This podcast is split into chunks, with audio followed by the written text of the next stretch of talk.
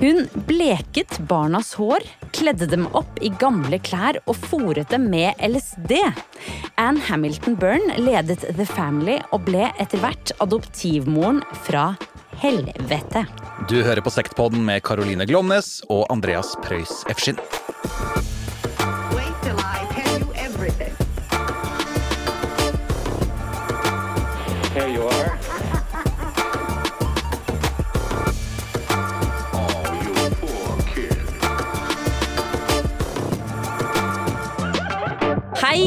Hjertelig velkommen. Godt å se deg, Andreas. Du, takk det samme. Jeg sitter her med pollenfilteret på, bare så det er klart. Det er godt å høre. Ja, jeg har fått hele naturens sæd i trynet de siste dagene, så nå det går bedre, altså. Men eh, litt sånn litt tett. Litt fett. Eh, Du har ikke blitt eh, vaksinert? Nei, det har jeg ikke blitt ennå. Ikke ennå, nei. Dessverre. Men Og det er kanskje like greit, da. Det er kanskje like greit, for vi har nemlig sektnytt til dere, kjære lyttere. Ja, breaking sektnytt. Virkelig. Eh, Ja, det er jo en ayatollah som er ute og, ute og melder ting her, da. Ja. Eh, og ayatollah Abbas Tabrizian, som er da en lærd i Kom, Iran, påstår at hvis man går nær noen, eller tar covid-19-vaksinen, ja, da blir du homo. ja. Rett og slett. Du blir homofil av det. Da blir du homofil. Ja. Eh, og det er jo ikke den første religiøse lederen som melder det, da. Nei, det er mange som har skyldt på homofile, Ja. men ikke at du, at du blir homofil av vaksinen. Nei, det er har- det. Den, den var ny for meg, i hvert fall. Ja, den er ny, men er ikke helt ny heller. Fordi okay. tidligere i år så var det sånn ultraortodoks rabbi Ja. i Israel som eh, Men han var litt mer sånn Han, han mente at det kunne jo gjøre at du ble homo, på en måte. Okay, det, var ikke, det var ikke helt sikkert. Nei, Det var sånn men det var en liten risiko der. Ja, en liten risiko. Ja. eh, men det er jo så kristne folk, altså. Er det veldig eh, kjekke menn som vaksinerer, da, eller? eh, kanskje det er det som er grunnen. Jeg har Kanskje ikke peiling. Eh, det jo, Svak for leger, liksom? Er det det som er Ja, kanskje det, men det er jo en skremselspropaganda, selvfølgelig, da. Ja. Man vil jo ikke ha disse stoffene inn i kroppen av en eller annen merkelig grunn, selv ikke borte i USA. Selv ikke borte i USA, men altså Ja. i USA så, så, eh, så var det jo en som heter Rick Wiles, som var, eh, han var en pastor og var veldig sånn Trump-vennlig. Mm. Eh, han responderte til da, altså det var en, en, en, en eh, LGBTQ advokat som okay. fikk covid-19, og da mente da denne Rick Wiles at det var Guds straff, da. At du fikk Ja. denne sykdommen. den, den har jeg hørt før. Den har vi absolutt Ja. hørt før, eh, helt klart. Men at man blir homo av vaksinen, det visste jeg ikke. Men det er bra at ayatollah Abbas Tabrizian er ute og advarer oss. Ja, og melder. litt. Det er på tide å starte dagens sekt. Og nå skal vi heldigvis ta en pause fra USA, og vi skal bevege oss til Melbourne i Australia. Byen som er kjent som Australias kulturelle knutepunkt, et mildt klima, og som du sa i introen, Karoline, adoptivmoren fra helvete, Anne Hamilton Byrne. Og hun ledet da eh, dagens sekt, som er The Family. Eh, og som kanskje høres litt koselig ut sånn i utgangspunktet. Ja. Det var det ikke. Såpass spoiler kan vi gi i starten her. Eh, For Anne, hun, eh, hun ble født for lenge siden. Hun ble født i 1921. Og da ble hun født Evelyn Grace Victoria Edwards. Litt sånn kongelig, litt sånn rojalt navn. Ja, veldig. Det var hennes fødenavn. Ja. Og hun ble født i en liten by som heter Sale, som ligger i Victoria. Og da er vi så langt sør man kommer i Australia. Ja, jeg er glad du setter det på kartet, Andreas. Jeg har det. Og har jeg tatt meg en spasertur på Google Maps? Ja, det har du. Ja, jeg har det. Og jeg må innrømme at dette er, dette er en fin by. Ja, En koselig, ordentlig koselig liten landsby. Mye koseligere enn den jevne sektby, da, ja. vil jeg si. ja. Um, og her ble da uh, Anne, eller Evelyn, Vi kan kalle henne Anne. Ja, vi kaller henne Anne. For, ja, helt enig. Hun Ja. ble født i denne byen. Um, og hennes far uh, og hennes mor hadde et veldig turbulent forhold i starten. Det var Ja. dårlig stemning, og de gikk ganske raskt fra hverandre. Skilte seg. Og hennes far møtte da etter hvert en kvinne ved navn Florence. Og det er grunn til å tro at denne stemoren kan ha hatt dårlig innflytelse på unge Anne. Ja. Fordi Florence mente selv at hun var et medium som kunne prate med døde mennesker. Mm. Men etter hvert så viste det seg at hun surprise, ikke kunne snakke med døde mennesker, men at hun var paranoid schizofren. Ja. Og rapporter vi hadde til at hun en gang satt fyr på sitt eget hår. ja. Ja, og dette var ikke så lett å takle for da Ralph, Men jeg mener bare, bare én ting. Ja. At du kan jo faktisk være paranoid, schizofren og snakke med døde mennesker. jeg tenker sånn nei, Det må ikke utelukke Nei, men det å snakke Hvordan? med døde mennesker er det vel egentlig ingen som kan. død. Ja, ok, skal vi Skal vi gå dit? vi, vi, vi fortsetter historien. Det tar vi en bonuspod litt senere på Ja. Eh, faren Ja. til da Ann, Mm. eh, som heter Ralph, han var en jernbanearbeider, en vanlig arbeidsmann, eh, men han hadde mye gjeld. Ja. eh, Gamblet en del og stakk ofte fra både kone og barn i lange perioder av gangen. Etter hvert så ble jo da eh, Florence, stemoren, lagt inn på mentalsykehus. Eh, faren stakk av, orket ikke på en måte dette livet her mer. Og registeret fra den tiden altså det viser at eh, Anne og hennes søsken de bodde lange lange perioder på barnehjem. Og så er det få kilder på hva som skjedde med Anne da, i tenårene. Men vet vi, byt, eh, vi, vi vet at hun byttet navn fra Evelyn da, til Anne i 1941 og giftet seg med en som heter Don. Og med han så fikk hun sitt første og eneste biologiske barn, Judith. Um, og det var også i denne perioden hun adopterte sitt første barn, og merk dere det. Adopsjon skulle bli ekstremt viktig for henne. Dessverre for alt og alle så døde Don ganske ung i en bilulykke, og jeg tror at veldig mye ville sett annerledes ut hvis Don hadde fortsatt å leve. Fordi eh, de planla å få sitt andre barn, men det ble på en måte Anne hun uh, fikk aldri oppfylt den store drømmen sin. Altså Det virker allerede som her at hun ønsket seg en veldig stor familie. Men i og med at eh, Don døde tidlig, så, så fikk hun ikke flere biologiske barn i, i sitt liv. Nei. Og da, når sånne traumatiske ting inntreffer, så trenger man kanskje andre inputs, altså steder hvor man kan fordøye sorgen. Og Anne fant trøst i, som så mange andre, yoga. Ja. Naturlig. Altså, Ja, det har vi ja, ja, ja, ja, absolutt.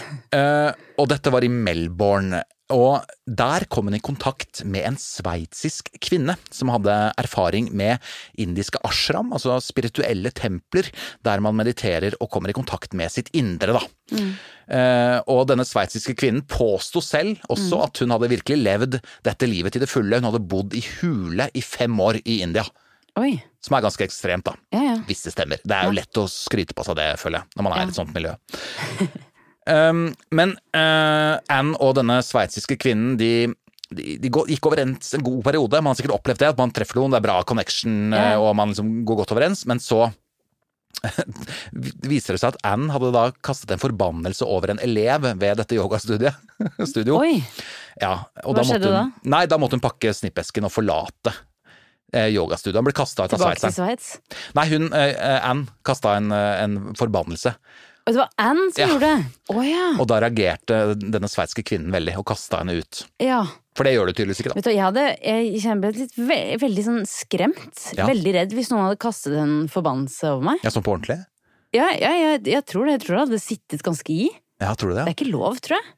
Eh, Jeg tror det er ulovlig å drive og kaste forbannelser. nei, jeg tror du kan bli dømt for det. Du, det, det, det ble jo den Wacos-sekten Ja. i Texas. Ja.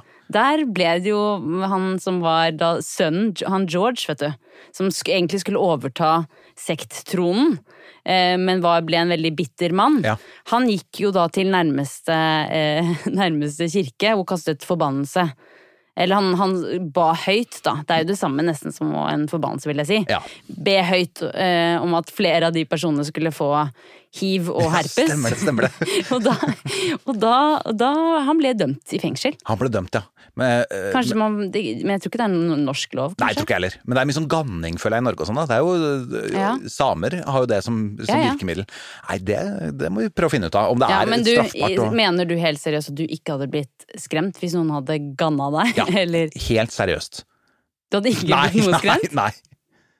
Mener du det nå? Jeg mener det helt Så du seriøst. hadde ikke liksom tenkt sånn Oi, det var jo uba veldig ubehagelig. Ah, Det tror jeg ikke, altså. Nei, hvis noen hadde liksom tatt runebomma og liksom banka Nei, det tror jeg ikke.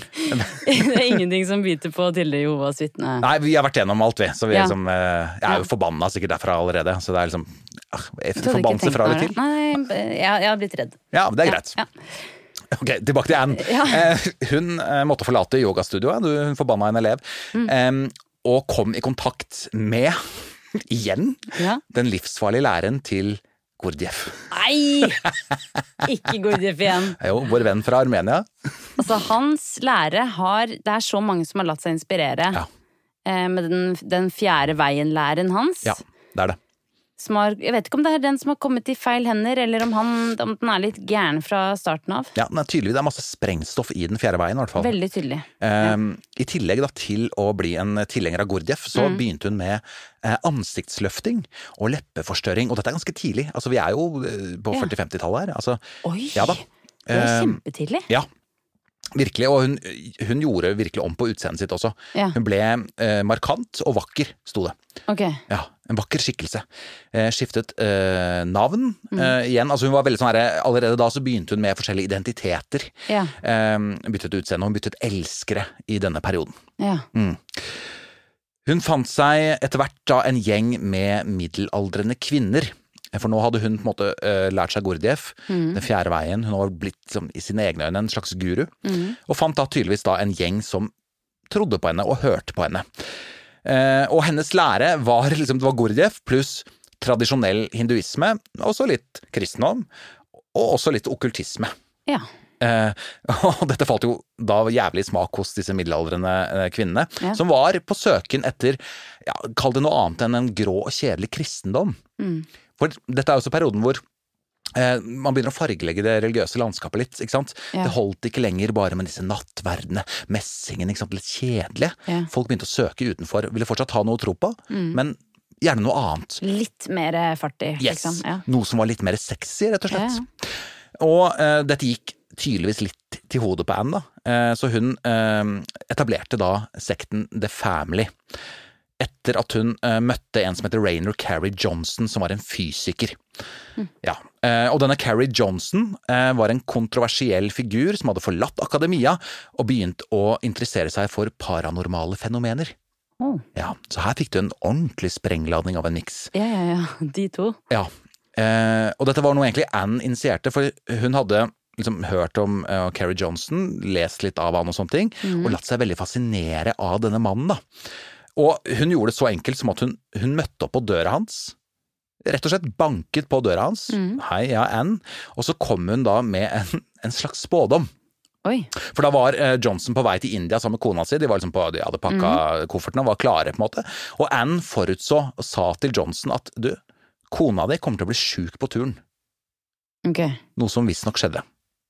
Er det noen som har vært i India som ikke har blitt Nei, syke? akkurat det. Nei, helt riktig. Så, så kona ble jo sjuk og gjorde at de måtte da avbryte eh, denne reisen, da. Ja. Um, og det, det eh, Det var nok. Det var nok, ja. Ja. Det imponerte Johnson så mye at han på en måte henga seg til Anne. Her kommer det en profet på døra mi Ja. og advarer meg om noe som skjer med ganske mange, da, men likevel. Jeg tror mange det skjer med. Turister i India. Ja, virkelig. Eh, så de etablerte da The Family i en seremoni hvor det ble inntatt hallusinerende sopp. Og der erklærte Johnson og fire familiemedlemmer av Johnson at Anne var en reinkarnasjon av Jesus. Ja. Merk, det er sopp involvert her, bare så det er klart. eh, gjennom Johnson så møtte Anne også en som heter dr. Howard Whittaker. Eh, og han ble ganske viktig for egentlig hele, hele denne sekten. Han var en psykiater som eh, eksperimenterte med å gi LSD til pasientene sine på en privatklinikk i New Haven, Victoria. Men LSD, var det ganske nytt nå, eller? Det var i hvert fall lovlig. Ja, ikke sant? Ja. Altså, fordi nå, det her høres jo liksom veldig, veldig eh, sykt og helt sånn grensesprengende ut, men det er ikke sikkert det var det da. Du må huske på hvordan de liksom egentlig behandlet schizofrene, homofile, Ja. eh, eh, altså helt eh, deprimerte, eh, altså med bare hva heter sånne hjernegreier og hvordan de holdt på. Ja, de gjorde det. Altså lobotomi og de tingene Ja, ja, ja. der. Helt klart. Og Så da er jo på en måte LSD ganske mildt. Ja. Altså satt i denne konteksten, da. Ja, og jeg vet ikke helt liksom hvor nytt LSD var, men det var jo den perioden hvor man begynte å eksperimentere mye mer med halsogerende stoffer, med dop, med de tingene, Ja, ikke sant. Eh, og det tydeligvis her også, da. Em, og da denne Howard Whittaker og hans privatklinikk ble en viktig rekrutteringsarena for The Family. Ja. Som førte til at sekten vokste ganske raskt. Her fant man potensielle eh, sektmedlemmer sant, som ikke hadde det så bra, som var mentalt ustabile, var lagt inn på klinikken, og tok det med seg inn i sekten. Og så ble Anne gift med Bill Byrne. Det er der hun har navnet sitt fra, da. Og som var en pårørende som hun møtte på New Haven, og fordi sønnen hans var da innlagt for rusmisbruk. Så der hadde hun virkelig etablert en solid plattform. Og bare for å si litt mer om da eh, hennes tro, da, så mente Anne at menneskeheten var inne i sin siste karmasyklus, og ikke ville bli gjenfødt igjen. Oh, det er ganske stress. Det er, altså, sånn, Det er ganske ja, ja. stress. Du er inne i din siste karmasyklus. Ja.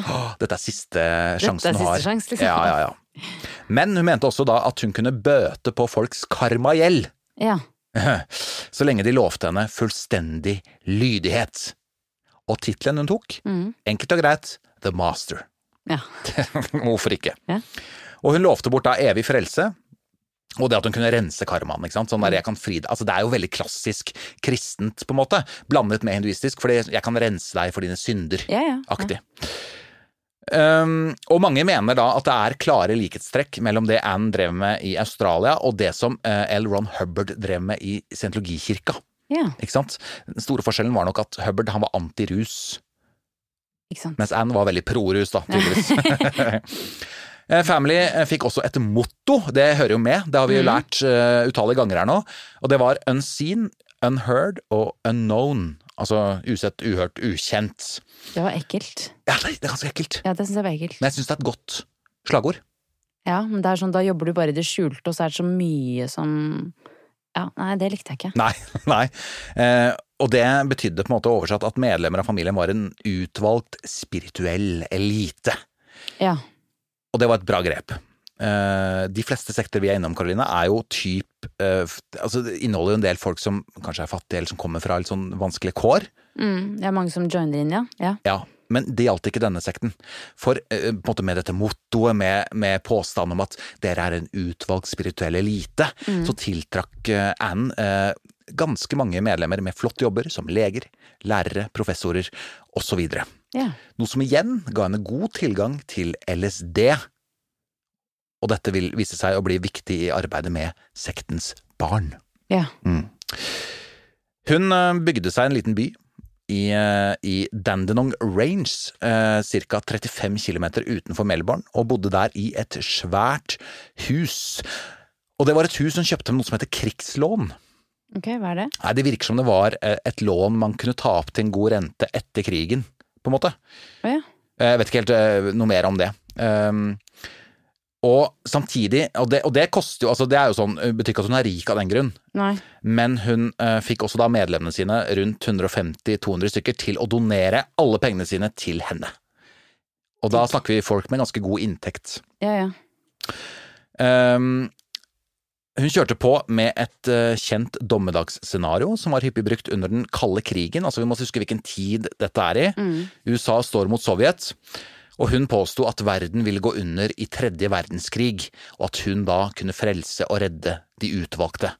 Med andre ord, verden skulle gå under, og de utvalgte i The Family ville bli igjen og regjere jorda.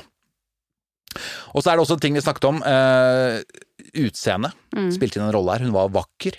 Flott dame. Hun hadde en For, vår første blonde, faktisk. Ja, tenk det! Ja. Faktisk. Vi, vi har en teori om Men at hun var jo bleka blond. Hun var veldig bleka blond, hun var det. Og hun hadde en beroligende, deilig stemme. Ja. Og det er litt vanskelig eh, å verifisere, fordi det er vel lite intervjuer med henne fra den tiden. Ok. Det er mest i de senere årene hun har gitt intervjuer. Og da er hun ganske langt ute. Nei. Nei. Da er hun veldig eh, altså, sprukken stemme, hun er ganske langt ute sånn sett, da. Ja. Men visstnok så hadde hun en soothing voice. Og som sagt, denne LSD-en, den fikk bein å gå på, da. Mm. Eh, hun fòret jo de til medlemmene. Og dette syns jeg er litt interessant. Yeah. Um, det var jo ritualer her. Mm. Og, og så fort hun hadde da delt ut LSD, de hadde ruset seg Der må jeg bare si en ting. Ja. Mm. Det, der med, det der med LSD til barn altså det var jo ikke, Hun var jo ikke den første som, som ga dop til barn på denne tiden. Nei. Altså Jeg bare tenkte på den uh, The Wizard of Oz. Ja, ja. Hun var jo hun, Vet du det? Hun hovedrolleinnehaveren, eh, hva heter hun igjen? Judy Garland. Julie Ja, nettopp. Judy. Mm. Hun uh, De ga jo henne kokain.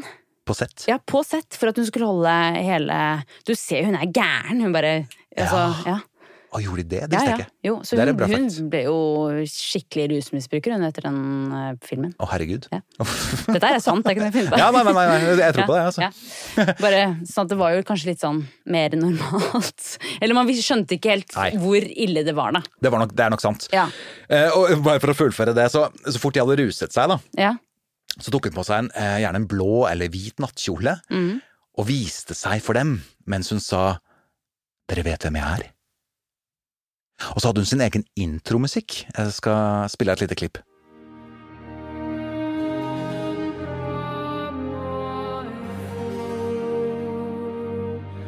Og dette er Hendels Largo fra operaen Serses. Og den brukte hun idet hun entret rommet på torsdager, i mørket, omgitt av et blått lys, før hun gikk og satte seg på en trone. Og når du er liksom Altså, når du er dopa i tillegg, Ja. Og ser dette her, det må jo sikkert Altså, det må jo være enda villere, da. Ja, sansen er i høyspenn, ikke sant? ja, ja, oppleve Og du skjønner ikke helt hva du ser, og hun manipulerer jo på en forbilledlig måte her, må jeg si. Altså, jeg, jeg er nesten imponert jeg, over påfunnet. Eh, og så omorganiserte hun også en del par- og familierelasjoner innad i sekten. Ja. Kun for å vise at her er det jeg som har kontroll. Du skal ikke være sammen med hun lenger, du skal bytte til den damen der borte. Ja. Sånn var det. Og det har vi også sett i andre konstellasjoner av sekter. Veldig mange. Ja. Og så, under påskudd av bibelsetningen La de små barn komme til meg, så begynte hun adopsjonsprosessen i 1969. Og eh, hun fikk etter hvert skaffet seg ganske mange barn, eh, og disse barna ble plassert på en eiendom som hun kalte Uptop. Mm. Og Anns visjoner for disse barna, grunnen til at hun adopterte disse barna, var for at de skulle ta over som ledere når verden hadde gått under etter tredje verdenskrig. Og vet du hvor mange barn som ble adoptert totalt? Nei. 28. 28 barn. Oi. Ja. Og i alle fall 14 av disse barna trodde at da Anne og hennes mann Bill var deres biologiske foreldre. Ja. Og de andre 14 barna de tilhørte medlemmer av sekten. ja, men hvor Ja. Men, men man må vel gjennom noen sånne tester for å adoptere, eller? Ja, det kan du godt si. Jeg kommer tilbake til det, hvordan hun fikk tak i okay, disse ja. barna. da. Ja. Eh, For det skulle man tro. Ja. Men eh, Og så var- eh, utnevnte hun noen av sine nærmeste og mest betrodde sektmedlemmer Mm. til å være tanter. Altså aunties. Ja. Som da passet på barna og hadde full kontroll over liksom alle disse barna. Og opplegget på, på Uptop det var en, eh, som en kostskole. Det var ekstremt tøffe og tette rammer, og barna ble undervist i yoga, meditasjon, spirituelle tekster og vegetarisme. Og så jeg, jeg kan ta bare kjapt sånn hvordan en dag så ut, da. Ja. Det var opp klokka seks, Mm. re opp, så var det en time med hata-yoga. Så var det 15 minutter hvor de lyttet til innspilte taler som Anna hadde lest inn. Så var det 15 minutter med messing, altså sånn chanting. øh. Ja, ja. Så var det 15 minutter med meditasjon, og så var det 15 minutter rydding. Ja. Og så hadde de friminutt, og det besto da enten av mer meditasjon, eller noe som het spaceball. som, hun, som var en sport Anne hadde funnet på, Ja. og som blir beskrevet som utrolig kjedelig. ja. Jeg, litt, jeg fant ikke reglene til spaceball noe sted. Å, det ville jeg gjerne visst. Ja. Og så fikk de servert da en fruktfrokost, grønnsakslunsj og en enkel vegetarmiddag. Altså, det her høres jo ut som sånn der retreat. Sånn perfekt sånn slanke-retreat. Ja. Nyskilt eh, dame som oppdager yoga vil liksom stramme opp litt. Helt riktig. Det gjør Eh, det. Kanskje ikke noe for barn Nei. eh, Det eh, er jeg men enig i. jeg syns ikke Altså, ja, det derre lytte til innspilte taler, det, Mm. men, men resten syns jeg høres ganske digg ut, jeg. Ja, det høres jo jævlig kjedelig liksom, ut so, òg. ja, men bare for en liksom periode altså Selvfølgelig ikke resten av livet, men for en liksom tre ukers tid. Ja. Jeg, jeg tror ikke de barna var, er enige med deg, da. Nei. nei. Fordi det er jo et av disse barna som heter Sarah, Ja. som har på en måte egentlig er grunnen til at man vet så mye eh, om The Family som man faktisk vet. da. Ja. For hun har jo tidligere, altså hun har jo senere da brutt brytt ut av sekten og fortalt hele sin historie i mange forskjellige medier, skrevet bok osv. Mm. Og hun har da fortalt at vekt var svært viktig. Hvis de veide for mye, så fikk de mindre porsjoner. Og flere av jentene særlig kastet opp før morgenveiingen, de hadde mo- morgenveiing, oh, slik at de skulle slippe da å få mindre porsjoner. Eh, og hun, Sarah mener at Anne påførte disse barna anoreksi. Ja. Um, og så Dette er veldig rart, men Sarah forteller også at fordi veldig mange av barna var ca. like gamle, da, så ble det bestemt at de var tvillinger eller trillinger. Anne bestemte det. Oh, ja. Altså Sarah hun var eh, det som heter single fram til hun var syv. Deretter så ble hun plutselig tvilling med en som heter Steven, som var en artist. og deretter så ble hun trilling med Luke og Timothy. Det er jo, er jo lov å le av det her, men det er jo forferdelig rart. ja. Og tenk så forvirrende det er, da, når du er sju år og plutselig får en tvilling. Ja, ja, ja, det er kjemperart. Ja. Virkelig. Og i tillegg til det her så ble jo eh, barna De fikk bleket håret sitt, da. Ja. Eh, Helt likt som Anne. ja. Vi skal legge ut bilde. Det må vi gjøre, for det, det er et ekkelt bilde. Det er kanskje et av de Ja. ekleste bildene. Ja. Eh, og alle ser jo det altså helt identiske ut, da. Ja. Eh, og Anne eh, behandlet jo liksom denne barneflokken som Jeg vet ikke hva jeg skal kalle det engang, for hun trikset og mikset med både fødselsdatoer og nasjonalitet på barna. Altså, hun designet på en måte sin egen drømmefamilie. Ja. En liten fabrikk med barn. For eksempel Anne, nei, altså Sarah gikk fra å være australsk til å være fra New Zealand, for eksempel, plutselig. Da hadde hun ordna det på fødselsattesten. Og tilbake til det spørsmålet du stilte i stad, da. Eh, Hvordan fikk Anne tak i disse barna? Ja. Da må vi tenke på at hun hadde fri tilgang til New Haven, denne psykiatriske klinikken, og stjal barn fra pasienter som var lagt inn der. Å, herlighet. Og det gjorde hun ved da å forfalske fødselsattester, blant annet, noe som er helt grusomt. Ja, for disse var jo syke De klarte sikkert også å overtale dem Ja, til å gi fra seg til å gi fra seg Altså hvis disse var innlagt på psykiatrisk Ja. Psykiatrisk. Og det virker som hun også eh, fant da ugifte kvinner Ja. som havna i ulykka, da, Ja, ja. og adopterte deres barn også. ja. Shit, nå bare en, en tanke nå. Hva tror du hadde skjedd hvis Anne hadde adoptert Barbora Adam fra Marienlyst ungdomsskole? Da hadde vi hatt tidenes sektere. Men kanskje sånn sekt-showdown nå, på en måte. Ja. Kampen om tronen. Ja, ja. Å, hvis, bare, hvis, en, altså hvis dere ikke husker den episoden, så kan dere høre den episoden. Ja. Kannibalen på Marienlyst, tror jeg den heter. Ja. Der det var en som utga seg for å være eh, 13, men egentlig var 35. Ja. Det hadde og det hadde vært fantastisk ah, hvis to, de to verdenene hadde møttes. Men det gikk galt, da. I 1987, som det ofte gjør med sekter. Ja, heldigvis. Heldigvis. Eh, fordi Sarah, hun har fortalt historien om The Family. Eh, hun var lenge den mest rebelske av barna. Hun hadde blant annet stjålet mat. altså De gikk jo ofte på raid i spiskamre og i skap og sånne ting for å finne De var så sultne, ikke sant? Helt ekstremt sultne, så de fant jo av og til mat og sånn. Eh, men da ble de straffet, da. Eh, og um, Sarah forteller også om at alle reglene var nedfelt i noe som ble kalt Mummies rulebook. Men Sarah tok tydeligvis dansetimer eksternt, yeah. kan det se ut som. Uh, og hun fortalte til slutt to av vennene sine hva hun var med på, hva hun ble utsatt for, hvordan det var i dette svære bygget som ble drevet av The Family. Da. Og moren til eh, en av disse eh, venninnene, hun, eh, hun fattet mistanke, heldigvis, og tilbød seg å kjøre hjem Sarah. Og Sarah inviterte da denne moren med inn, noe som var strengt forbudt og imot reglene. Og da det skjedde for andre gang, så ble Sarah faktisk kastet ut av The Family. Ja. Men det er jo altså, det er sånn eh, alfa og omega Eller sånn, det, det vet vi jo med sekter. Mm. De, de sier jo at du ikke får lov til å kjenne noen utenfor. Ja, de gjør det. Du skal ikke ha venner utenfor. Nei. Og hvis du må være i Altså omgås Men du skal helst bare omgås sekten, og det er nettopp på grunn av dette her. Ja.